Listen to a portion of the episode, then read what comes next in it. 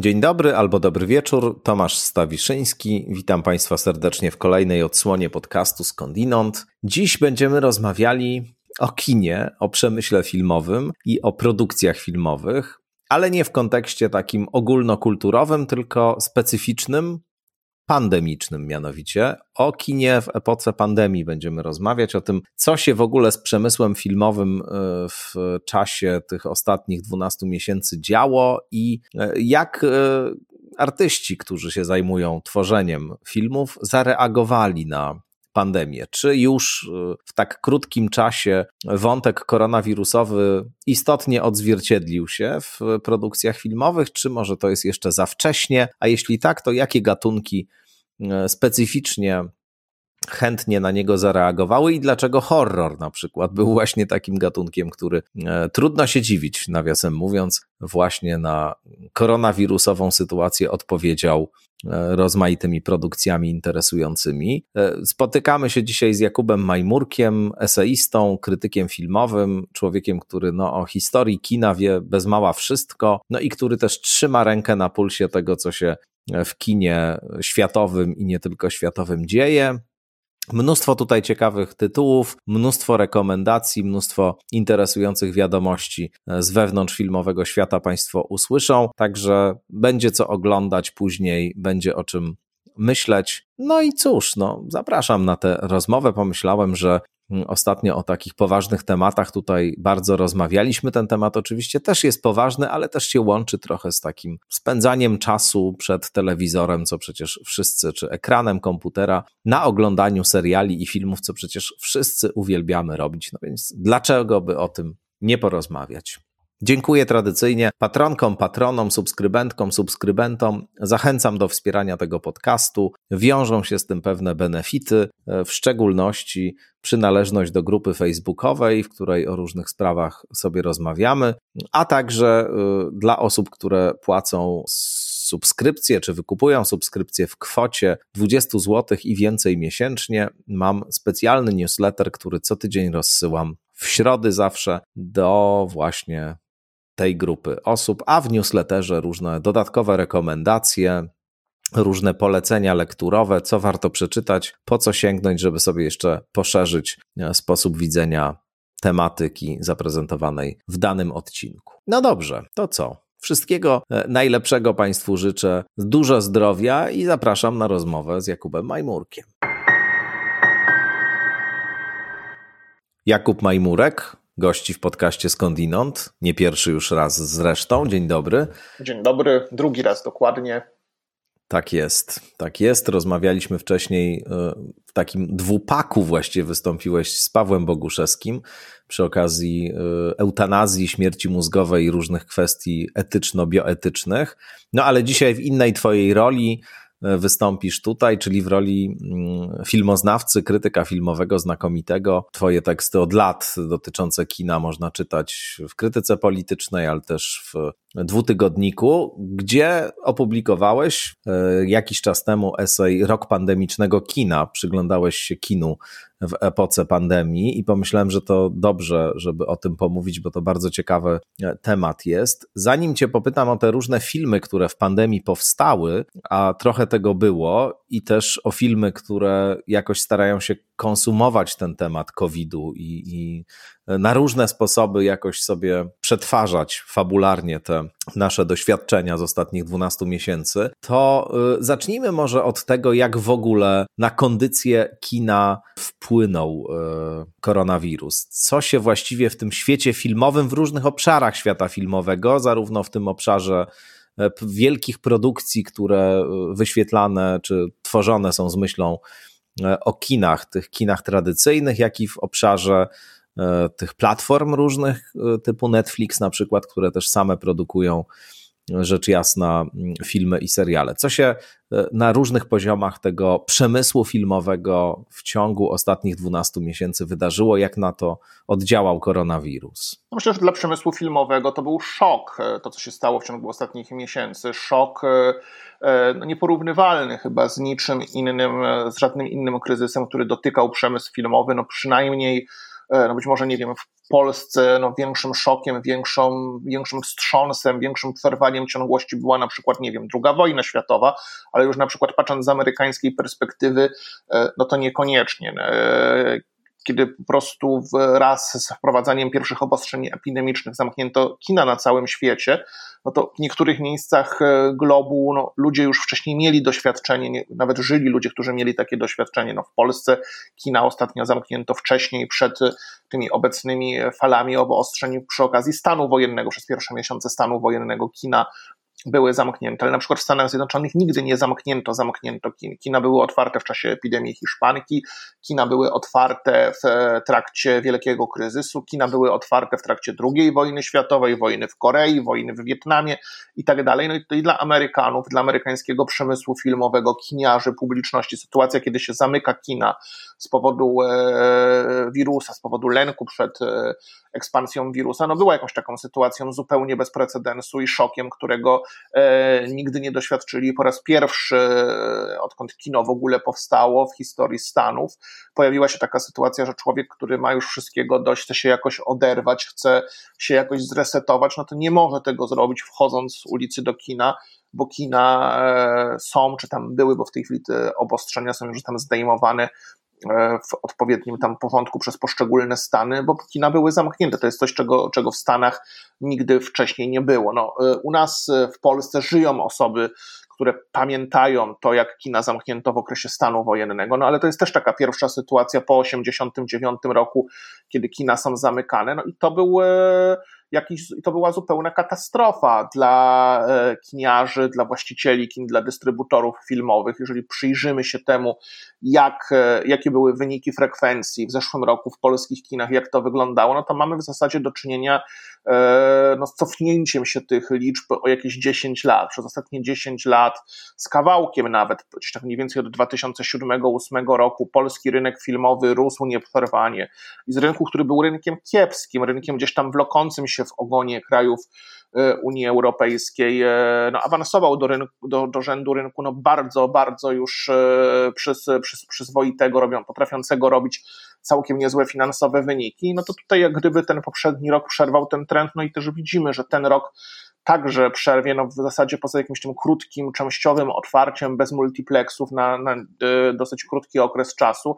Także pierwszy kwartał 2021 roku jest rokiem dla kina stracony. Więc to bez wątpienia był pod wieloma względami szok dla przemysłu filmowego, przede wszystkim dla kiniarzy i dystrybutorów. No szok przychodowy, nagle po prostu nikną przy, przychody, pozostają pozostają cały czas e, koszty, ponieważ kino ma pewne stałe koszty, takie jak koszt czynszu, takie jak koszt e, pensji pracowników i tak dalej, wszystkich, wszystkich opłat, które są które są, które są konieczne do tego, by to kino utrzymać w gotowości, w gotowości do, e, do uruchomienia. E, bez wątpienia jest spadek e, dochodów dystrybutorów i także po prostu no, straty konkretne, ponieważ też dystrybucja filmu jest procesem, który wymaga dosyć skomplikowanej logistyki, wyłożenia środków, zainwestowania w plakat, w reklamy, w billboardy, w cały jak gdyby plan, dystrybu cały, cały plan dystrybucyjny. Przecież też dystrybutorzy to są na ogół firmy, które mają określoną liczbę pracowników, no i tutaj nagle e, tracą możliwość osiągania e, tu dystrybucji filmu dochodów, dochodów w kinach, więc na pewno te dwie, te, dwie, te dwie gałęzie przemysłu filmowego, czyli ta branża dystrybucji, branża ekspozycji w kinach zostały uderzone najsilniej. Myślę, no tam na tam... pewno też było, tam na pewno też było wiele bankructów, y, takich Wiesz bankructw co, na razie, na, razie w Polsce, na razie w Polsce jeszcze nie, na razie z tego co wiem upadło jakieś jedno kino studyjne, no i tutaj... E, w Stanach? w Stanach? W Stanach dużo więcej podejrzewam, tutaj akurat danych dokładnych nie mam, wiem, że w Polsce upadło jedno kino studyjne, no faktycznie te kina studyjne e, są na jakimś takim bardzo, bardzo w tej chwili poziomie walczącym o życie. Tutaj co najmniej dwa warszawskie kina studyjne mają jakieś potężne problemy. Tutaj się właśnie słyszy o kinotece i o Lunie, że one są też w takim właśnie stanie, że no, trudno powiedzieć, czy się otworzą po tej pandemii, czy się nie będą w stanie, w stanie otworzyć. Więc to są takie dwa kina no, no w, stanie, w, stanie, w stanie bardzo, bardzo ciężkim finansowym. Problemy mają też multiplexy, one na ogół są uważane za takiego bardzo silnego gracza na rynku, który jest w stanie sobie zamortyzować utratę przychodów z biletów gdzie indziej, no ale te straty multiplexów też są jednak bardzo, bardzo Mm, e, duże. E, tutaj też jak gdyby oprócz e, tego szoku związanego z utratą dochodu, no to branża multiplexów tutaj czeka najprawdopodobniej kolejny. Też właśnie w tym roku pandemicznym jedna z sieci kin przegrała proces z Stowarzyszeniem Filmowców Polskich w sprawie zasad rozliczania tantiemów dla twórców. I tutaj jak gdyby odszkodowanie szło w grube miliony złotych, jakie właśnie ta sieć musi przekazać Stowarzyszeniu Filmowców Polskich. I pozostałe sieci multiplexów mają podobne procesy i można się spodziewać podobnych wyroków, więc tutaj też jak gdyby oprócz tej pandemii, no branża ma jeszcze kolejny problem, więc też te multiplexy e, no jest bardzo ciekawe, jak się, jak się zachowają. One przed e, pandemią wydawały się jakieś niesamowicie silne, rozpoczęły wojnę cenową o widza, obniżyły ceny biletów, ponieważ czuły się na tyle pewnie ekonomicznie, że mogą to zrobić, miały świetne absolutnie, absolutnie wyniki. No i to wszystko się, to wszystko się posypało, więc tutaj na, pewno E, e, tą częścią przemysłu filmowego, która uderzona została najsilniej, była, była, były kina i dystrybucje. Za to z kolei na tej, w tej sytuacji wzmocniły się e, właściciele platform VOD. Tutaj widać bardzo wyraźnie, że e, mieliśmy do czynienia ze wzrostem ilości czasu, jaki spędzamy na platformach typu Netflix, HBO Go i tak dalej. Widać bardzo wyraźnie, że mamy wzrosty abonentów, chociaż w przypadku Netflixa czytałem ostatnio, że trochę mniejsze niż się oni jednak spodziewali, coś tam się skutkowało jakimiś spadkami, spadkami, spadkami cen akcji yy, globalnie, to jednak nie było aż tak dużo, jak się, jak się, jak się spodziewano. Widzieliśmy, że na przykład te platformy e, streamingowe, takie jak e, HBO, no zaczynają walczyć o wielkie blockbustery, filmy, które wcześniej nie wyobrażaliśmy sobie ich dystrybucji poza kinem. Tutaj na przykład Wonder Woman 1984, czy ta Liga Sprawiedliwości Zaka Snydera. No była nawet ta historia, że, że oferowano e, producentom nowego Bonda jakieś gigantyczne pieniądze za to, by on trafił właśnie od razu na jakąś platformę, platformę cyfrową. To się jednak, to się jednak nie stało. No i widać wyraźnie, że ten trend, który był w przemyśle filmowym widoczny już od dobrych kilku lat, trend rośnięcia siły platform VOD, kosztem kin, kosztem e, dystrybutorów filmowych, e, tych, którzy zajmują się wprowadzaniem e, filmów do kin, jak gdyby też wzrost, który stwarza pewne zagrożenie dla tego całego ekosystemu dystrybucji filmowej, dystrybucji, który jest oparta jednak na pewnej sekwencyjności okien, czyli najpierw jest to kino i tylko i wyłącznie kino, później są to właśnie platformy VOD, potem DVD i tym podobne nośniki, na końcu telewizja, no to widać wyraźnie, że ten wzrost znaczący platform VOD w ostatnich latach no już zaburzał przed pandemią ten model ten model, dystry, ten model dystrybucyjny, e, co się spotykało się z dużym oporem branży, czego przejawem były na przykład te dyskusje, czy filmy z Netflixa powinny być dopuszczane do Oscarów, czy nie powinny być dopuszczane do Oscarów. Przecież na przykład walka o to, czy w Cannes na festiwalu, w Cannes, który jest najbardziej prestiżowym festiwalem kina artystycznego w Europie i chyba na świecie, pokazywać filmy, które nie mają dystrybucji kinowej i są produkowane właśnie na platformy VOD, czy nie, nie pokazywać. Tutaj francuscy dystrybutorzy filmowi i kiniarze bardzo ostro przeciwstawiali się temu, walcząc właśnie o zachowanie tego systemu sekwencyjności okien. No to pandemia, te procesy, które prowadziły do osłabienia tego starego ekosystemu, który gdzieś tam został wypracowany, e, funkcjonował przez lata, e, te procesy wzmocniła. No i tutaj już widzimy właśnie, że to okno kinowe było włączane i wyłączane. E, mimo tego przemysł filmowy jakoś sobie, jakoś sobie radził. Widzowie coraz w ciągu tego roku no, przyzwyczaili się, że niekoniecznie nowości muszą iść oglądać do kina, że równie dobrze mogą gdzieś tam je mieć u siebie na VOD. No i jest bardzo ciekawe, czy kiedy już gdyby ta normalność wróci, kiedy się wszyscy zaszczepimy i zaczną być kina znowu, znowu otwarte, to czy publiczność wróci, czy ten model E, oparty o sekwencyjność okien, model i tak już wcześniej atakowany przez graczy z platform VOD się utrzyma, e, czy będzie, czy będzie dalej osłabiany.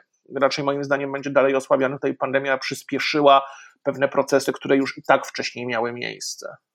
No tak, to chyba jest e, nieodwracalne rzeczywiście. A powiedz, jak produkcja filmowa w tym całym krajobrazie? No bo e, rzecz jasna, e, trudno się dziwić, że te wszystkie platformy VOD i tak dalej zyskały na popularności w okresie pandemii, bośmy siedzieli w domach, przynajmniej znaczna część z nas siedziała w domach, więc trzeba było w jakiś sposób sobie ten czas wypełniać. Często po to, żeby po prostu redukować stres, można by było takie binge serialowe urządzać. Sam e, gustuję w tego rodzaju redukcji stresu zdecydowanie. To jedna sprawa, ale druga sprawa jest taka, że na przykład wiele produkcji filmowych zostało zatrzymanych, wielu filmów nie udało się dokończyć, wielu e, kolejnych sezonów seriali e, nie nakręcono właśnie z powodu pandemii. Ja na przykład czekam z ogromnym utęsknieniem na trzeci sezon e, z serialu Wszechczasów dla mnie, czyli Sukcesji, jednego z najlepszych seriali, jakie widziałem. No i niestety to się wszystko przesunęło właśnie dlatego, że e, że koronawirus uniemożliwił e, nakręcenie kolejnego tak, sezonu. I oczywiście nie jest to jedyny serial, prawda? Który w tej sytuacji się została najmniej dotknięta. Tam jak gdyby przemysłowi udało się najszybciej po prostu e, wziąć i wypracować procedury, które pozwoliły pracować w warunkach, warunkach pandemicznych. I z produkcją e, nie jest aż tak źle. Rzeczywiście produkcja wielu filmów się gdzieś tam poprzesuwała, pozawieszała, e, czy na przykład nie wiem, trzeba było zrezygnować z plenerów w egzotycznych lokacjach i kręcić, kręcić w studio. No, tym niemniej jakoś, jakoś, jakoś, tam to, jakoś, tam to, jakoś tam to, mimo tych kilku przypadków, o których mówiłeś, mówiłeś działa. No, na przykład a propos seriali, na przykład ja niedawno oglądałem na Netflixie bardzo ciekawy serial, taka limited series e, The Serpent, też bardzo polecam. Historia. Wszyscy chwalą bardzo. Tak. tak, historia właśnie seryjnego mordercy z lat 70., działającego w Tajlandii e, i w ogóle w Azji Południowo-Wschodniej, polującego na e, zachodnich turystów, głównie na hipisów, którzy wtedy jak gdyby zaczynają odkrywać Azję Południowo-Wschodnią z plecakiem e, i bardzo wiele różnych ciekawych kontekstów kolonialnych, postkolonialnych, związanych z rasą, klasą społeczną i tak dalej. Ale w każdym razie ten film miał być początkowo właśnie kręcony w naturalnych lokacjach. Zaczęła się produkcja w Tajlandii, z powodu COVID-u musiała zostać przerwana. Ekipa wróciła do Wielkiej Brytanii, przede wszystkim brytyjski, e, brytyjski, brytyjski serial. No i e, to jednak nie przeszkodziło twórcom. Po prostu ten film no, rozgrywa się w tej Azji e, lat 70. i wydaje się, kiedy na tą Azję tam patrzymy na ekranie, że wow, ale to jest super nakręcone, gdzie oni znaleźli te lokacje, nie wiem, na przykład Bombaj lat 70. jest tam świetnie pokazany. No, mamy tam wrażenie, że tam jesteśmy. A no, się później gdyby też bardzo zaskoczyłem, że to wszystko było zbudowane w jednym z podlondyńskich studiów, że po prostu w sytuacji, kiedy jest, e, jest, jest, ta, jest ta epidemia, to producenci podjęli decyzję, że no jednak nie ma sensu czekać, kiedy to ustąpi. Kręcimy po prostu tutaj, no mam, mamy akcję w Katmandu, to sobie budujemy Katmandu gdzieś pod Londynem. No i to, to jakoś świetnie, świetnie się sprawdziło, świetnie, świetnie zadziałało. Hmm, czyli to nie jest, e, jak już opowiedziałeś przed chwilą, jednoznaczny krajobraz na różnych piętrach, w różnych tak, wymiarach. Myślę, produkcja ucierpiała, ucierpiała jako taka hmm. najmniej, tylko że faktycznie gdyby się zatyka, dal, zatykają się te dalsze kanały, no gdyby produkuje się po to, żeby film potem ściągnął pieniądze z rynku, a najlepszym sposobem cały czas ściągnięcia tych pieniędzy z filmu jest jednak dystrybucja kinowa i w przypadku filmów o naprawdę dużych budżetach to jednak cały czas ta dystrybucja VOD nie jest w stanie zapewnić takiego, takiego dopływu środków, by z uwagi na ten system abonamentowy? Czy... To, czy to częściowo, częściowo, tak, po prostu jesteś dużo więcej w stanie ściągnąć z kin od ludzi, tak? To jest jak gdyby cały czas najpewniejsza i najszybsza metoda, aby zapewnić sobie zwroty z, z, z, wielkiej, z wielkiej produkcji, przy czym też jak gdyby te wielkie produkcje one coraz bardziej e, w ostatnich latach, czy nawet dekadzie się bilansowały nie na poziomie jakiegoś rynku krajowego, ale na poziomie rynku globalnego. No Hollywood kręciło od dawna filmy z myślą nie tylko o rynku amerykańskim, ale też chińskim i rosyjskim, które były drugim i trzecim rynkiem dla nich. No i gdyby te wielkie superprodukcje no, były kręcone e, z budżetami idącymi w setki milionów złotych, z jeszcze kolejną setką na globalną promocję, no właśnie z taką myślą, że pokazujemy je w kinach od San Francisco po Pekin i Władywostok, no i w ten sposób to się nam zwraca. No i dlatego właśnie też te wszystkie takie wielkie blockbustery, e, wielkie superprodukcje, które miały wejść w, e, w, ostatnich 12 miesiącach do kin, Nowy Bond, e, Czarna Wdowa, kolejna odsłona e, uniwersum filmowego Marvela, Duna, no to to wszystko gdzieś tam po prostu sobie leży na półkach i czeka na lepsze czasy, czeka na takie, taki moment, kiedy będzie można po prostu wziąć i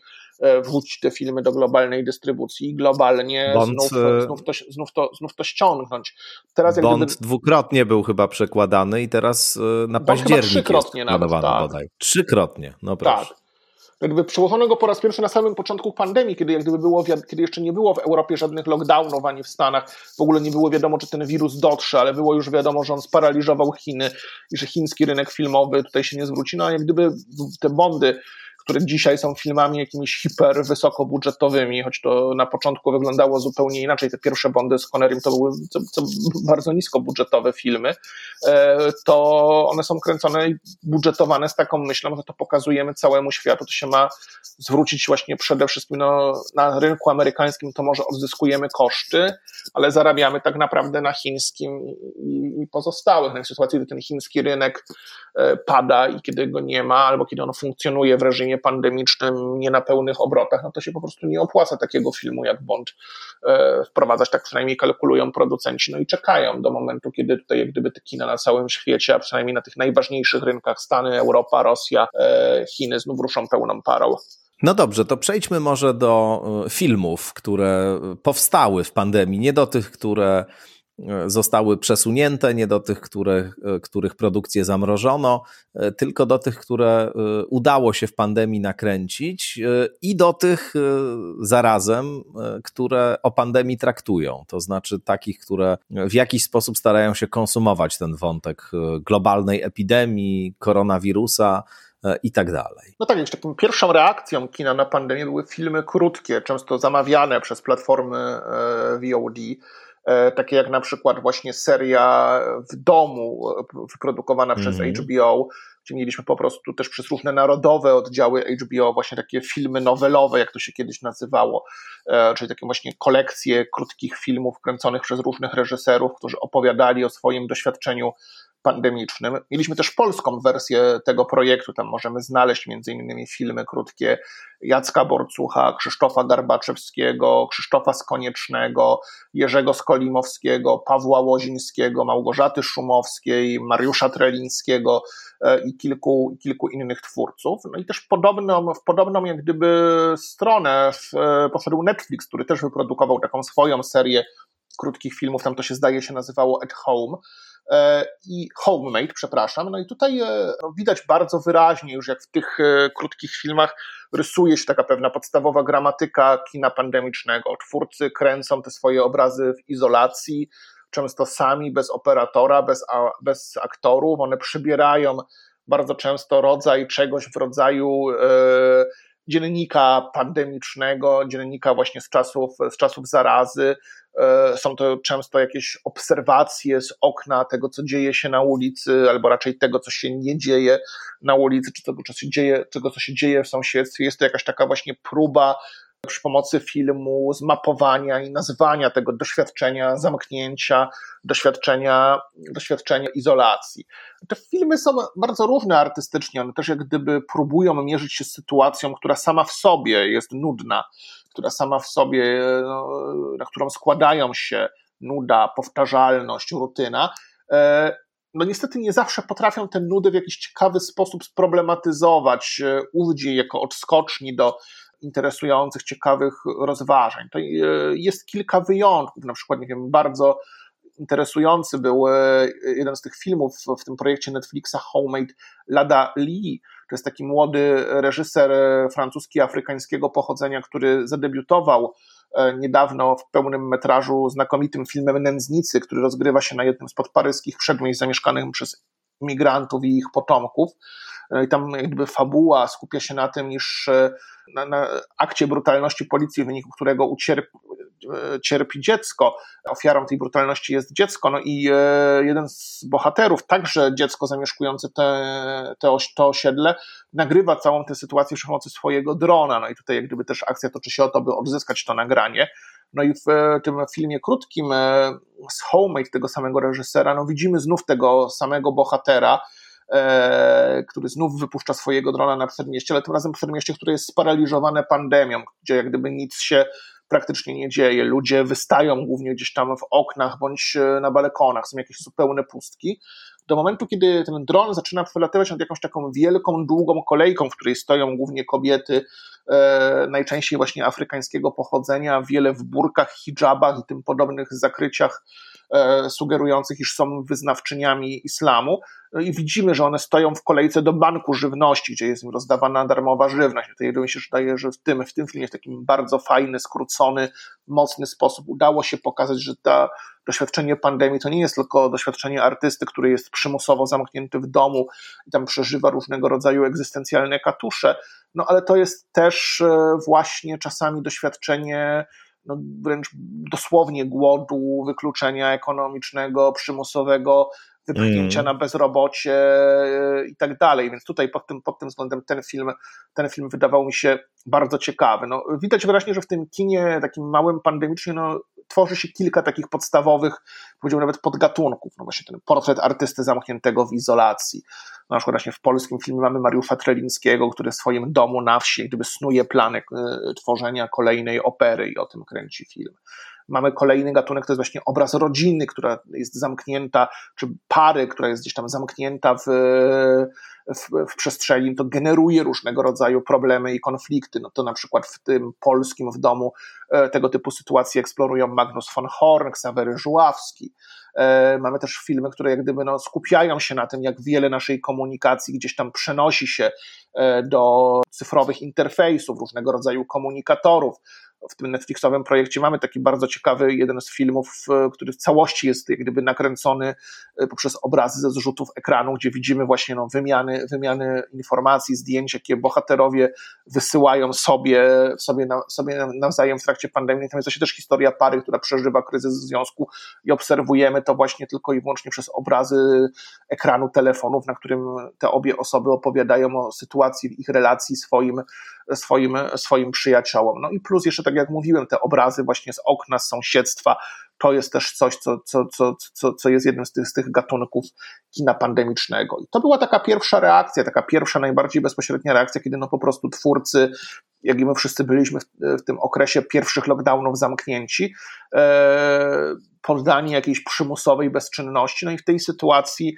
no, platformy VOD zaproponowały twórcom, że w takim razie no to y, macie przecież kamerę w telefonie e, i po prostu coś kręćcie. E, no i w ten sposób z tego powstał jakiś taki pierwszy, dość spory e, korpus krótkiego kina pandemicznego.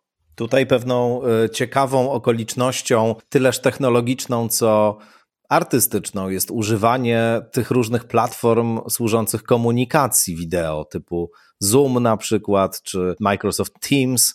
E, to się stały takie narzędzia wykorzystywane do różnych produkcji filmowych i to w ogóle dosyć osobliwy efekt daje. Tak, to już, to już to, znów, to był znów jakiś proces, który, który miał miejsce już wcześniej.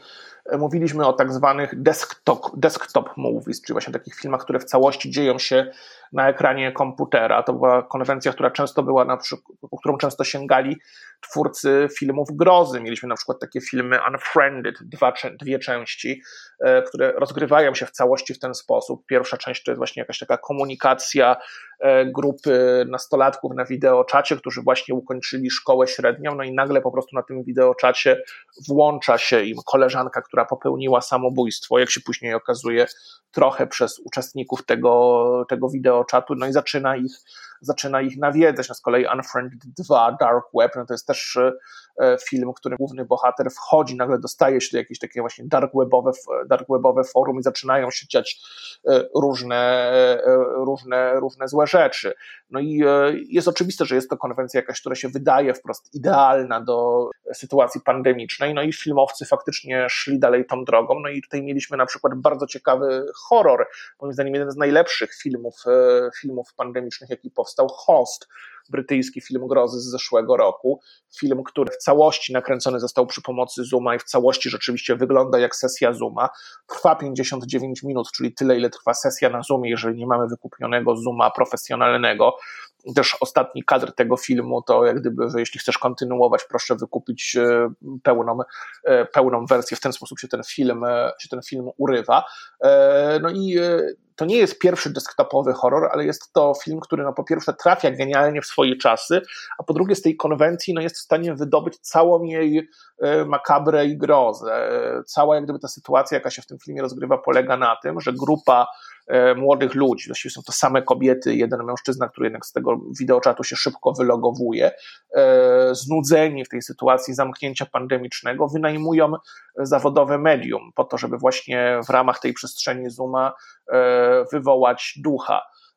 No jak się można domyśleć, cała ta sytuacja wymyka się jednak spod kontroli zamiast przyjaznego ducha odpowiadającego na jakieś tam proste pytania, pojawia się śmiertelnie groźna, demoniczna obecność.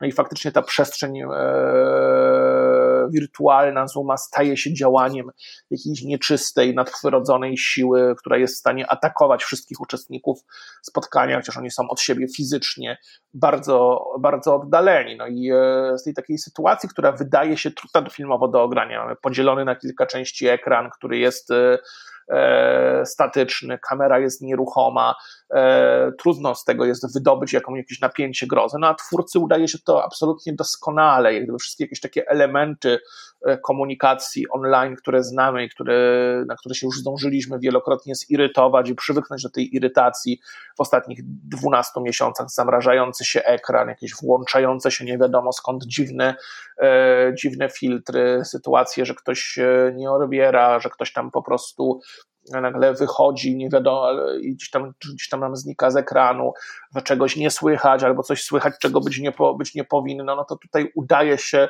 wykorzystać wszystkie te, wszystkie te elementy wideo komunikacji do tego, by zbudować taką bardzo gęstą atmosferę narastającej grozy i śmiertelnego niebezpieczeństwa e, dla bohaterek tego, tego filmu, które no właśnie nie podchodząc też do tego sytuacji sansu poważnie, wygłupiając się, traktując ją jako żart, sprowadzają na siebie śmiertelne zagrożenie, co też trochę może być jak gdyby takim komentarzem do tego, jak my podchodzimy do wirusa i jak e, my e, gdzieś tam zachowując się w tej sytuacji nieodpowiedzialnie, wystawiamy siebie i innych na różnego rodzaju zagrożenia. No i też ta właśnie, właśnie no. obraz tego hmm. demona, którego tak naprawdę nie widzimy prawie w ogóle i wirusa, który gdzieś tam śmiertelnie atakuje, chociaż też go nie widzimy, no tutaj też widać wyraźnie pewną analogię. No, w ogóle horror to jest gatunek, który przeżywa e, okres świetności od pewnego czasu. Mnóstwo powstaje horrorów, także horrorów wysokoartystycznych, powiedziałbym, bo ten gatunek przez wiele lat jednak funkcjonujący gdzieś na marginesie i mający oczywiście takie jakieś momenty e, wielkości, dzisiaj się stał jednym po pierwsze z najpopularniejszych, a właśnie po drugie takim, w którym też eksperymentują z formą naprawdę utalentowani reżyserzy, którzy solidne kino artystyczne z horroru potrafią robić. No i to, to, to w ogóle jest na osobną rozmowę zapewne, dlaczego akurat w ostatniej dekadzie mniej więcej po tych wszystkich e, e, historiach związanych z kryzysem finansowym, z takim e, rozmontowaniem bardzo skutecznym poczucia przewidywalności, bezpieczeństwa, świata, w którym żyjemy, horror się stał tak ekspandującym gatunkiem filmowym, ale wydaje się, że pandemia to jest po prostu no, żyzne pole dla horroru, który i tak, jak powiedziałem, okres świetności przeżywa, że no przede wszystkim horror powinien całymi garściami czerpać z tego covidowego doświadczenia i, i jakoś je przetwarzać na filmy. Czy tak się stało właśnie? Myślę, na razie rzeczywiście ja widziałem ten jeden film Host. Słyszałem też o jakimś takim innym horrorze In the Woods, który te, też brytyjska produkcja, która podobno jest też właśnie odpowiedzią na COVID-19, opowiada o świecie pustoszonym przez jakąś pandemią i zbiera bardzo dobre re recenzje, ale jej jeszcze nie widziałem. Widziałem zwiastun jakiegoś filmu, który ma wkrótce wejść do dystrybucji w Stanach, e, który także jest takim właśnie e, horrorem desktopowym, opisującym sytuację, sytuację, sytuację e, izolacji, chociaż tam akurat z tego, co widziałem w tym zwiastunie, nie ma nadprzyrodzonych elementów, czyli taka sytuacja, że grupa przyjaciół spotyka się E, na wideoczacie, żeby porozmawiać, piją alkohol, dochodzi do kłótni między jedną z par, która w tym bierze udział, no i w wyniku tej kłótni e, mężczyzna jakoś tak e, nieszczęśliwie uderza kobietę, że ona umiera, no i tutaj jak gdyby te pozostałe osoby zastanawiają się, co z tym, co z tym, co z tym robić. No jest to przedstawione przynajmniej w zwiastunie, w konwencji takiego właśnie, może nie horroru, ale mrocznego, mrocznego, mrocznego thrillera, ale myślę, że jak najbardziej te reakcje interakcje będą ze strony twórców horroru i będzie ich jeszcze więcej. No, horror rzeczywiście stał się jakimś takim zwierciadłem epoki drugiej dekady XXI wieku. Filozof horroru amerykański, autor Eugene Fucker, autor takiej trylogii o filozofii horroru, on twierdził, że horror jest narzędziem, który pozwala pomyśleć, czy też zmierzyć się, czy przeżyć to, co nieludzkie, doświadczenie nieludzkiego świata. I to jest właśnie jakieś doświadczenie, z którym my e, coraz bardziej mierzymy się jako czymś doświadczalnym empirycznie. No właśnie perspektywa katastrofy klimatycznej i zagłady cywilizacji to jest właśnie jakaś taka perspektywa zbliżającego się do nas nieludzkiego czy postludzkiego świata, przynajmniej świata, w którym ta ludzka cywilizacja, w której, którą znamy, nie jest w stanie dalej, dalej istnieć. No i też jak gdyby właśnie ta sytuacja z ekspansją wirusa, kiedy nagle wszystkie systemy zachodniego świata, które zbudowaliśmy, wszystkie systemy immunologiczne ludzkości, nie tylko te nasze indywidualne, rozumiane w sensie biologicznym, ale tak. także w tym sensie społecznym, okazały, okazują się dosyć jednak bezbronne i po prostu nagle jakaś cząstka materii, której w ogóle nie wiadomo, czy jest organizmem żywym, czy nie jest i czym tak naprawdę ontologicznie jest, e, prowadzi do jakiegoś radykalnego wywrócenia E, do góry nogami e, niemal wszystkiego. Zamraża gospodarkę, życie społeczne, czyni z nas więźniów e, praktycznie w naszych domach na prawie, na prawie no to jest też jakieś takie doświadczenie, które no radykalnie przesuwa nam jakąś taką antropocentryczną perspektywę. No, tu jeszcze mamy dodatkowo ten e, wymiar związany z e, niewidzialnym zagrożeniem, którego źródłem są inni ludzie. To też wydaje się ożywiać horrorową wyobraźnię. Ta konieczność trzymania dystansu, ten lęk przed e, bliskością z innymi, to właśnie transmitowane za pośrednictwem bliskiego kontaktu, śmiertelne zagrożenie, które nie wiadomo czym jest do końca, etc. To jest rzeczywiście coś niesamowitego. Przypomniał mi się taki film horror z lat 90. z Denzelem Washingtonem. Niestety nie pamiętam tytułu, ale oglądałem ten film parokrotnie, bo mi się bardzo podobał. Zaraz spróbuję ustalić, e, no bo żyjemy w czasach, kiedy wszystko można ustalić, mając komputer na podorędziu. Jak ten film się nazywał? Mówię, już mówię.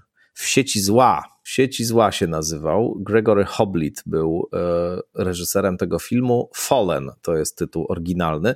Tam e, mamy do czynienia z demonem, e, który opętuje ludzi i który właśnie przenoszony jest przez takie dotknięcie, że jak się dotknie jakąś osobę, to natychmiast demon się przenosi.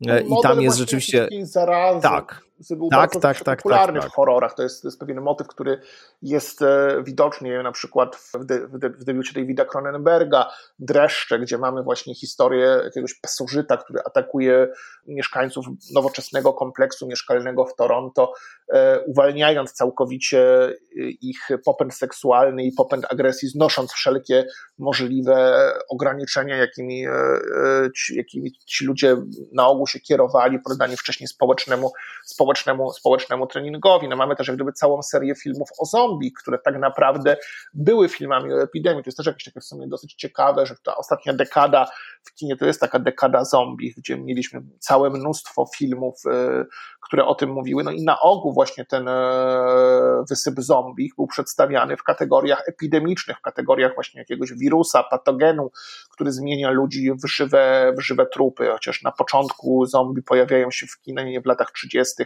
raczej w roli, nie wiem, e, raczej w wyniku magii, w wyniku e, jakichś tajemniczych rytuałów, wudu i tak dalej, no to E, w tej ostatniej dekadzie to raczej jest właśnie kwestia wirusa, który niszczy cywilizację i zmienia Ziemię w miejsce panowania żywych trupów. No ten model e, właśnie epidemiczny, e, zaraza zombie jako epidemia, widać w filmie World War Z, który jest właśnie takim filmem, gdzie właśnie ludzkość nagle znajduje się na granicy przetrwania w wyniku epidemii zombie. No jest to spowodowane jakimś tajemniczym patogenem, który rozprzestrzenia się z niesamowitą szybkością.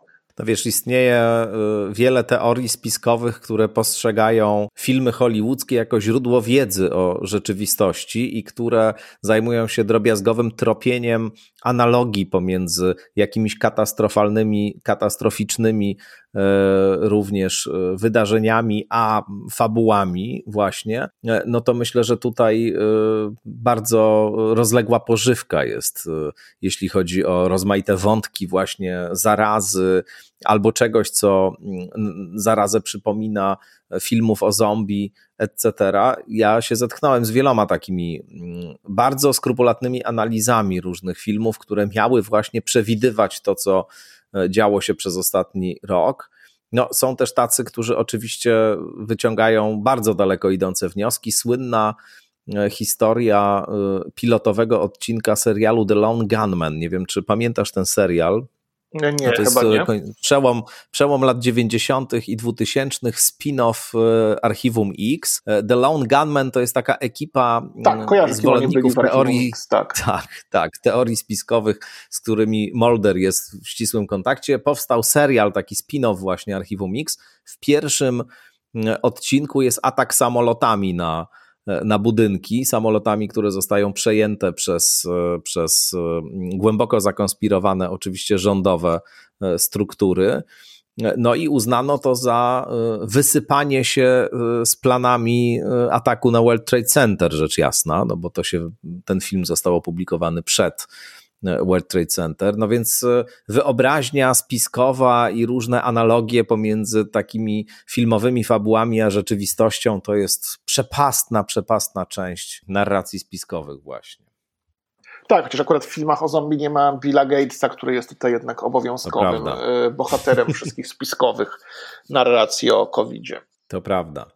Czy jeszcze jakieś e, wątki horrorowo-filmowe e, do głowy ci przychodzą e, w sprawie COVID-u? Czy nie, myślę, że jeśli chodzi temat o, horroru o, o możemy horror, domknąć. To na razie jest tyle, ale tak jak mówię, no, wydaje mi się, że to będzie jak najbardziej eksplorowane przez twórców. No można by tutaj jeszcze gdzieś tam poniekąd pod tą horrorystyczną tematykę powciągnąć taki krótki film Jonathana Glazera 1518, Strasburg 1518, bardzo ciekawy projekt na pograniczu filmu i teatru tańca, e, dostępny w Polsce na portalu Mubi. E, film, którego tytuł, ten Strasburg 1518, nawiązuje do e, tak zwanej epidemii tanecznej, jaka miała miejsce faktycznie w Strasburgu e, w XVI wieku. Mianowicie w pewnym momencie jakaś kobieta zaczęła tańczyć i nikt nie był w stanie jej powstrzymać kolejni ludzie zarażali się tańcem i e, nie byli, nikt nie był w stanie ich albo fizycznie zmusić, no chyba, że ktoś po prostu się tam rzucił na tych ludzi w kilka osób, ale na pewno nikt nie był w stanie przemówić do rozsądku, żeby odpoczęli. Ludzie mieli czerp tańczyć do wyczerpania sił. E, nawet niektóre przekazy mówiły, że do śmierci e, przez kilka dni, kilkaset osób miało być objęte tą tajemniczą, tajemniczą epidemią. No i ten film Glazera no, nawiązuje w tytule do tego, do tego wydarzenia, no ale pokazuje kilku tancerzy z całego świata, których właśnie zebrał reżyser. Każdy z nich jest w swojej przestrzeni, która wygląda właśnie jak jakiś taki pokój w domu, który w sytuacji, kiedy wszystko jest zamknięte, ktoś przerobił na, na jakąś taką przestrzeń do ćwiczenia do ćwiczenia tańca. No i każdy z nich e, sam tańczy przed nieruchomą kamerą do takiej bardzo hipnotycznej, transowej, industrialnej, industrialnej muzyki. No i z tego składa się jakiś taki jeden, jeden wideoklip, który właśnie no, sprawia takie, takie właśnie wrażenie w, w tym kontekście tej epidemii tanecznej i naszej epidemii i tej izolacji, takie bardzo niesamowite. Ci ludzie, ci tancerze no, są faktycznie mm najlepsi dzisiaj przedstawiciele tańca współczesnego na świecie no, wyglądają jakby opętał ich jakiś duch albo jakiś pasowny, albo jakaś, jakaś taka po prostu dziwna, nieludzka siła e, miotała ich ciałami i zmuszała do robienia rzeczy, które ludzkie ciała normalnie, e, normalnie, normalnie by nie, nie robiły. To tempo muzyki coraz bardziej przyspiesza, tak samo jak tempo tego tańca poszczególnych tancerzy, ujęcia stają się coraz krótsze, na końcu wszystko to się zlewa w jakąś taką jedną wielką, ekspresyjną figurę. No bardzo, bardzo ciekawy projekt, to jest moim zdaniem e, e, no, no, chyba w ogóle miał jakiś taki jeden najciekawszy pandemiczny film, to wskazałbym właśnie na to. E, piszesz w tym swoim tekście także o filmach, które po prostu się z tą tematyką pandemii mierzą i w których te wątki związane z doświadczeniem pandemicznym są obecne, na przykład o skazanych na siebie Daga Lajmana. Tak, to jest to jak gdyby skazani na siebie, podobnie jak film Songbird, to są takie pandemiczne blockbustery. No jak mówiliśmy, te klasyczne blockbustery typu Bond czy, czy filmy Marvela siedzą na półkach, ponieważ e, e, dystrybutorzy ich nie wprowadzają, ale tym niemniej powstają właśnie takie filmy, które to doświadczenie pandemiczne starają się przekazać przy pomocy blockbusterowej, blockbusterowej opowieści, przy pomocy takich filmów, które skrojone są jak hity filmowe, które mają przyciągnąć tłumy bardzo różnorodnej publiczności do kin, tylko że w tym wypadku kina są zamknięte, więc to samo mają zrobić e, na platformach VOD. No i skazani na siebie są takim filmem. Film jest kręcony, był kręcony w trakcie lockdownu w Wielkiej Brytanii, pokazuje dwójkę bohaterów, małżeństwo rozpadające się, no, którzy właśnie ze względu na COVID nie, nie są się w stanie od siebie wyprowadzić, cały czas ze sobą mieszkają, w dodatku cały dzień w domu, ponieważ e, też pandemia wpłynęła na wzorce, wzorce ich pracy, no ale tak jak to często w kinie bywa, pojawia się szansa na odnowienie tego małżeństwa, a tą szansą jest napad, jest rabunek, e, mianowicie e, bohaterka pracuje dla obrzydliwie bogatej korporacji, która zajmuje się zakupami super luksusowych produktów dla jakichś strasznych indywiduów typu dyktatorzy z Afryki. E, no i właśnie okazuje się, że to małżeństwo, także dzięki temu, że jej mąż tutaj pracuje jako kurier, który ma się zająć e, transportem produktów, produktów jej firmy, ma szansę ukraść jakiś bardzo, bardzo drogi diament, który został nabyty przez jakąś okropną, łamiącą prawa człowieka, figurę, zamienić go na fałszywkę ze względu na lockdown i epidemię, nikt się, nikt się nie zorientuje, nie tylko pomóc sobie finansowo, ale także Narodowemu Funduszowi Zdrowia, NHS, tutaj też jak gdyby bohaterowie podkreślają, że chcą także wesprzeć te, te, te organizacje. No i tutaj mamy do czynienia z takim gatunkiem, e, który jest w kinie, przez kino bardzo lubiany, czyli hist movie, filmu o napadzie, filmu o napadzie, gdzie taką spektakularną atrakcją. Jest właśnie cała ta procedura drobiazgowego planowania napadu, później jego egzekucji, walki z jakimś przeciwnikiem, który grozi zdemaskowaniem całego planu. Znamy to z takich filmów jak ta seria Oceans, gdzie właśnie, które są takimi najpopularniejszymi chyba hist movie z ostatnich, z ostatnich, z ostatnich lat. No i tutaj e, trzeba przyznać, że mimo tego, że jak gdyby ten film jak gdyby no, ma za tło jakąś taką wielką tragedię, która, którą trudno przemienić w spektakularną atrakcję, czyli właśnie epidemię w Anglii, kraju, który był jednym z najsilniej dotkniętych COVID-19 państw rozwiniętych w tym zamkniętym, martwym, martwym Londynie, no to jakoś tam twórcom udaje się stworzyć z tego atrakcyjne filmowe widowisko, które ogląda się, ogląda się z przyjemnością i faktycznie służyć może do tego swojego ponurego, pandemicznego tła jako taka miła dystrakcja. Hmm. No to jest e, rzeczywiście też e, temat, który jak przypuszczam chyba, no właśnie, to zapytam ciebie, co ty o tym sądzisz, bo z jednej strony mam wrażenie, że to jest jednak mimo wszystko trochę jeszcze za wcześnie, żeby takie filmy powstawały, które właśnie będą się mierzyć z tym, co wydarzyło się w ciągu ostatniego roku. One oczywiście powstają, zaraz sobie jeszcze powiemy o innych tytułach, natomiast chyba potrzeba pewnego dystansu do tego, żeby złapać takie doświadczenie i żeby w jakiś sposób e, e, satysfakcjonujący artystycznie je ująć. Zastanawiam się, na ile w ogóle tego typu jednak bezprecedensowe wydarzenie w historii współczesnego świata, jednak coś takiego, co e, nawet na samym początku powiedziałeś, po raz pierwszy na przykład sparaliżowało funkcjonowanie wielu różnych przemysłów, biznesów e, w Stanach Zjednoczonych. To były kina, e, które nigdy nie zostały jeszcze, jeszcze zamknięte. Więc na ile coś takiego właśnie będzie w ogóle w kinie obrabiane, będzie tematem, który będzie powracał, etc., etc. Bo, bo, bo też z drugiej strony jest dużo takich tragicznych wydarzeń i doświadczeń, których specjalnie się nie rusza. No na przykład wspomniane World Trade Center. To nie jest się, temat, który jakoś... Było, było trochę tych filmów o World Trade Center. Trochę było, ale poza tym filmem z Nicolasem Cage'em, który grał strażaka, e, który tam e, ratował e, osoby uwięzione pod gruzami, to, to ja szczerze mówiąc nie pamiętam żadnego filmu, który no nie wiem, jakoś by przeszedł do takiego mainstreamu. Znaczy nie, no było też to World Trade Center Olivera Stona, nie najlepszy film. No tak. Był United for 93, ten film o tym samolocie, który spadł. To, to był chyba ten, który w Pentagon akurat, akurat uderzył. Jakby rekonstrukcja, rekonstrukcja porwania z punktu widzenia pasażerów samolotu. Też też, też, też bardzo, bardzo dobry, bardzo dobry film, więc, więc trochę, trochę, tego, trochę tego było. Czy też ostatnio była taka był serial e, e, The Looming Towers. E, on był dostępny, chyba cały czas jest na polskim Amazonie, który był właśnie jakąś taką rekonstrukcją tego, jak rywalizacja CIA i FBI które nawzajem sobie nie ufały, nie przekazywały informacje, informacji. CIA traktowało w ogóle tutaj FBI jak jakichś wieśniaków, którzy powinni łapać e, członków rodzin mafijnych, a nie mieszać się do polityki. Z kolei FBI patrzyło na CIA jak na jakichś wariatów, na właśnie taki brak, brak ufności i wzajemne podgryzanie się tych dwóch służb no, doprowadziły do tej tragedii. Gdyby tej, e, jest to książka oparta na jakiejś takiej serial oparty na książce non-fiction, która jednak no, dosyć dobrze pokazywała, że tutaj po prostu amerykańskie służby mogły temu zapobiec, gdyby tutaj była lepsza koordynacja, wymiana informacji i, i nie było między nimi aż takiej po prostu paranoicznej, paranoicznej nieufności. E, więc, więc trochę, trochę tego było. Myślę, że podobnie będzie z pandemią, tylko że gdyby też jest taki, taki problem, że pandemia nie jest taka spektakularna filmowo, jak World Trade Center. No World Trade Center mm. jest jednym z jakichś takich najbardziej mocnych, ikonicznych obrazów, jakie w ogóle wydarzyły się w historii ery, ery telewizyjnej. Ten obraz tych samolotów wbijających się w wieże, jeden z symboli amerykańskiego kapitalizmu, no to to jest coś, co też wizualnie jest niesamowicie mocno. To są jakieś straszne tragedie, to jest coś, co łatwo bardzo jest przedstawić na ekranie, w przypadku właśnie takiego wirusa, który nas wykańcza po cichu codziennie, no to to jest o wiele, wiele trudniej. My mieliśmy jak gdyby też taki gatunek filmów o pandemii.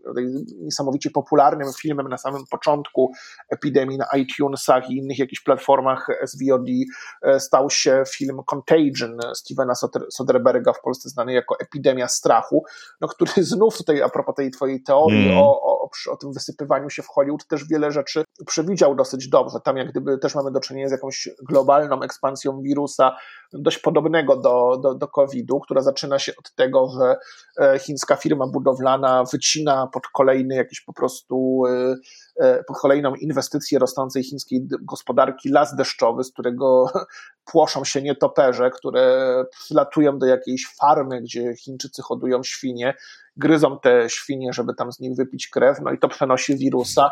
No i później Amerykanka, Amerykanka która jest na biznesowej podróży w Makau w Chinach, dostaje właśnie taką świnię zakazaną przez nietoperza tym wiru, tymże wirusem e, w trakcie kolacji w kasynie, no a potem się to już roznosi po świecie, no bo po drodze ma przystanek w Londynie, potem w Nowym Jorku, a potem wraca do siebie do Chicago, no i tutaj już mamy mm. po prostu trzy ogniska, zaka, trzy ogniska zakażenia, no ale w tym filmie Soderberga jest też jakaś taka wiara, że mimo wszystko ci eksperci potrafią to ogarnąć. Jest taki właśnie obraz heroicznej grupy ekspertów, który przy pomocy narzędzi nauki jest to w stanie bardzo szybko opanować. No i tutaj jak gdyby to jest scenariusz, którego my byśmy sobie życzyli, no bo my widzimy, że to działa jednak zupełnie inaczej. Mamy, nie, nie mamy do czynienia z takim modelem, że jest jakaś straszna tragedia, potem jest mocna odpowiedź, wszystko potem jakoś wraca do normy, tylko raczej z taką normalizacją stanu wyjątkowego przez ostatni, przez ostatni rok. Ta nauka no, z jednej strony dostarcza odpowiedzi, ale z drugiej strony te odpowiedzi, no też wcale nie do końca, czas między odpowiedzią a przywróceniem normalności jest bardzo długi, a być może tego powrotu do normalności w ogóle ale to w ogóle, ale to w ogóle nie będzie. Ta epidemia gdzieś tam cały czas jeszcze będzie z nami przez długi czas. Część ekspertów mówi, żeby też w ogóle nie przywiązywać się szczególnie do tej wizji, że po szczepionkach już nagle wszystko będzie tak wspaniale, bo mutacja indyjska, bo inne mutacje, bo tutaj też tak naprawdę nie wiemy, jak ten wirus się będzie, e, się będzie, się będzie, się będzie zachowywał, więc e, w jakimś sensie ten scenariusz z filmu Soderberga no, nam by się e, wydawał jakimś takim scenariuszem życzeniowym dzisiaj, kiedy patrzymy, jak to wszystko tak naprawdę wygląda. No tak, to jest, y, to jest ciekawe. Ja też widziałem taką informację o wznowieniu czy o nakręceniu remake'u serialu The Stand, czy mini serialu The Stand, który już raz został, to znaczy powieść Stephena Kinga Bastion została sfilmowana, już raz był taki serial tam w latach 80. z Garem Sinise w, w roli głównej. Bardzo ciekawy, zresztą kiedyś to widziałem na E, na e, jeszcze kasetach wideo, pamiętam, i to jest jeden z nielicznych takich seriali wczesnych, robionych właśnie w latach 80., 90. na podstawie prozy Kinga, który naprawdę się broni. No i teraz powstał jakiś remake. E, przed chwilą to właśnie sprawdzałem z Whoopi Goldberg na przykład w jednej z ról głównych i Aleksandrem Skarsgardem, który gra główną e, postać e, negatywną, niejakiego Randala Flaga. I szczerze mówiąc, to też jest nieprzypadkowy timing zapewne, dlatego że w marcu 2021 Amazon Prime Video zaczęło udostępniać w niektórych krajach ten serial, a pierwsze odcinki zostały mm, opublikowane przez CBS 17 grudnia 2020 roku. No więc to ściśle się połączyło z pandemią, co jest oczywiście nieprzypadkowe, bo to jest powieść o epidemii grypy, takiej zmutowanej grypy, której wirus wydobywa się w pewnym momencie z laboratorium i zaczyna siać spustoszenie, z tym, że to jest naprawdę śmiertelność na poziomie 100% niemal jakaś nie, nie, niewielka tylko grupka ludzi ma e, osobliwą, naturalną odporność. Pamiętam, że zaraz na początku pandemii bardzo wiele było takich nawiązań do tej powieści Kinga i on tam na Twitterze dementował, że słuchajcie, naprawdę to nie jest e, jak w The Stand, to nie jest wirus e, stworzony specjalnie, żeby zabić całą ludzkość i jednak mimo wszystko śmiertelność tego wirusa nie jest tak wysoka jak, jak w przypadku no właśnie tego, tego opisywanego w tej powieści. No. No tak, no też tutaj właśnie a propos tych takich e, blockbusterowych narracji, no to yy, faktycznie dosyć słabo to wyszło w innym takim filmie, który ja omawiam w tym tekście, czyli Songbird Rozdzieleni, który rozgrywa się w jakiejś tam bliskiej przyszłości, kilka lat od naszego obecnego e, czasu, gdzie kolejne fale COVID już z kolejnymi numerkami pustoszą Stany Zjednoczone. E, no jesteśmy właśnie w takim tym Los Angeles przyszłości. Większość ludzi zmuszona jest siedzieć w domach w izolacji. Domy bogatych zmieniają się w jakieś twierdze państwem rządzi wszechwładny departament sanitarny. E, niewielka grupa ludzi ma naturalną odporność. No właśnie jeden z takich bohaterów jest kurierem rowerowym, w tym takim właśnie zmilitaryzowanym, rządzonym przez zmilitaryzowane służby sanitarne Los Angeles. No i cała akcja też jak gdyby tutaj się rozgrywa e, wokół tego, że babcia jego dziewczyny, która z tą dziewczyną mieszka, zostaje zdiagnozowana tym właśnie kolejnym COVID-em, no i jej, jego dziewczynie grozi deportacja do jednego z takich wielu miejsc izolacji dla chorych, które tak naprawdę są czymś w rodzaju obozów koncentracyjnych. No i tutaj też rzeczywiście oglądając ten film miałem jakieś takie poczucie, że to kurczę jednak jest trochę za wcześnie, że to nie za bardzo wypada, że to jest jednak jakaś taka realna tragedia i dobudowanie na niej takiej no, marnej, dosyć takiej dosyć już wielokrotnie znanej antyutopii science fiction, jakie widzieliśmy w kinie, w kinie wiele razy, no, y, no jest jakoś słabe etycznie i jest słabe filmowo i, i ten film nie działa, o ile właśnie Lajmanowi w tych skazanych na siebie udało się zrobić jakiś taki w miarę zręczny i miły w oglądaniu filmowy blockbuster, no to, te, to ci rozdzieleni jednak po prostu jakoś ma się takie wrażenie, że to jednak kompletnie nie wyczuło tonu i kompletnie nie wyczuło czasu. Mhm. No dobrze, zobaczymy, co tam jeszcze ciekawego będzie się działo w e, kinie wobec tego, pandemicznym kinie. A powiedz jeszcze może na koniec e, naszej rozmowy o jakichś nowych produkcjach, nowych serialach, nowych ciekawych filmach, które widziałeś i które polecałbyś e, na tę ostatnią fazę, trzecią. Miejmy nadzieję, że już nie będzie kolejnej, kończącą się. Tak eksperci przynajmniej mówią, że już to jest tendencja spadkowa pandemii, y, które byś polecał po prostu do, do obejrzenia?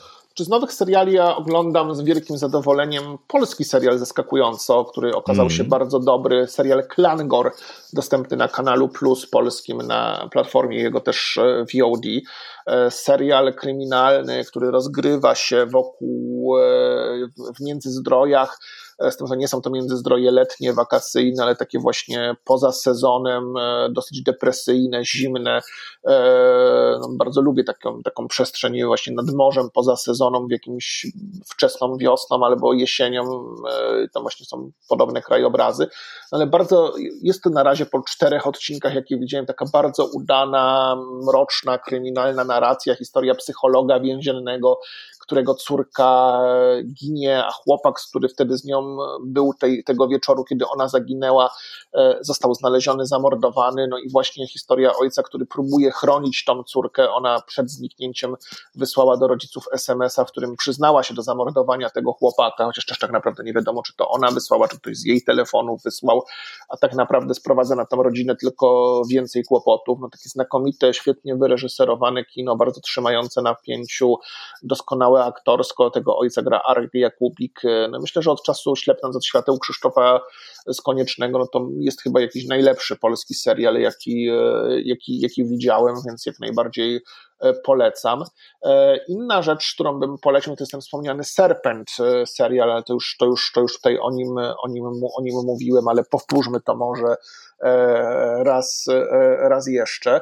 Także na Kanale Plus dostępny jest miniserial czteroodcinkowy pod tytułem Nadchodzi e, mrok, Nilak, nadchodzi noc, przepraszam. Tytuł oryginalny jest The Sister e, Nila Crossa, twórcy bardzo przeze mnie też lubianego serialu e, kryminalnego Luther. Bohaterem nie jest reformator religijny, ale policjant, policjant pracujący, pracujący w Londynie. Znasz ten serial, jak widzę. Znam, znam, świetny serial Idris Elba gra tak, główną no rolę. Tak, tego samego, tego samego showrunnera, nowy, nowy serial, serial, który zaczyna się od tego, że mamy mężczyznę, który no, ma dosyć, ma dobre życie i jest szczęśliwie żonaty. Nagle do jego drzwi puka jakiś dziwny człowiek i mówi, że przekopują las i że w tym lesie E, bo ponieważ tam budują, ponieważ budują jakieś nowe osiedle i musimy szybko działać, bo to znajdą. Jak się okazuje, ci dwaj mężczyźni zakopali w tym kiedyś lesie kobietę, dopiero tam z czasem wyjaśnia się, jaką który z nich miał rolę w, jej, w ich śmierci. I też to się okazuje bardzo szybko, że ta kobieta, którą zakopali, to jest siostra tej nowej żony, tego bohatera, żony, jak gdyby rzeczywiście, no wiemy, wiemy o nim sam, bardzo szybko na samym początku tyle, że miał jakiś udział w śmierci jej siostry, a potem tą drugą siostrę poznał i, i poślubił, no i znajduje się w bardzo trudnej sytuacji, przerażony tym, by jego sekret nie wyszedł na światło dzienne i naciskany przez tego swojego coraz bardziej psychicznie niestabilnego, dawnego wspólnika, przyjaciela, e, przyjaciela z, na, z dawnych lat, bardzo dobre, bardzo ciekawe, trzymające, trzymające w napięciu, też interesująco narracyjnie e, rozegrana produkcja, produkcja, produkcja telewizyjna. Bardzo Ci dziękuję, dziękuję za tę bardzo. opowieść o pandemicznym kinie i za te rekomendacje. Ja tylko powiem, że w przypadku rekomendacji Jakuba Majmurka jest 100%. To znaczy, jeśli mówi, że to jest dobre, to wtedy jest to dobre. W zasadzie nie ma innej możliwości. Od lat się tymi rekomendacjami kieruje, z czym się nie zdarzyło, żebym e, tutaj się pomylił. Absolutnie. Bardzo dziękuję raz. Dzięki wielkie. I Państwu też bardzo dziękuję. E, do usłyszenia w kolejnej odsłonie podcastu Skądinąd, rzecz jasna.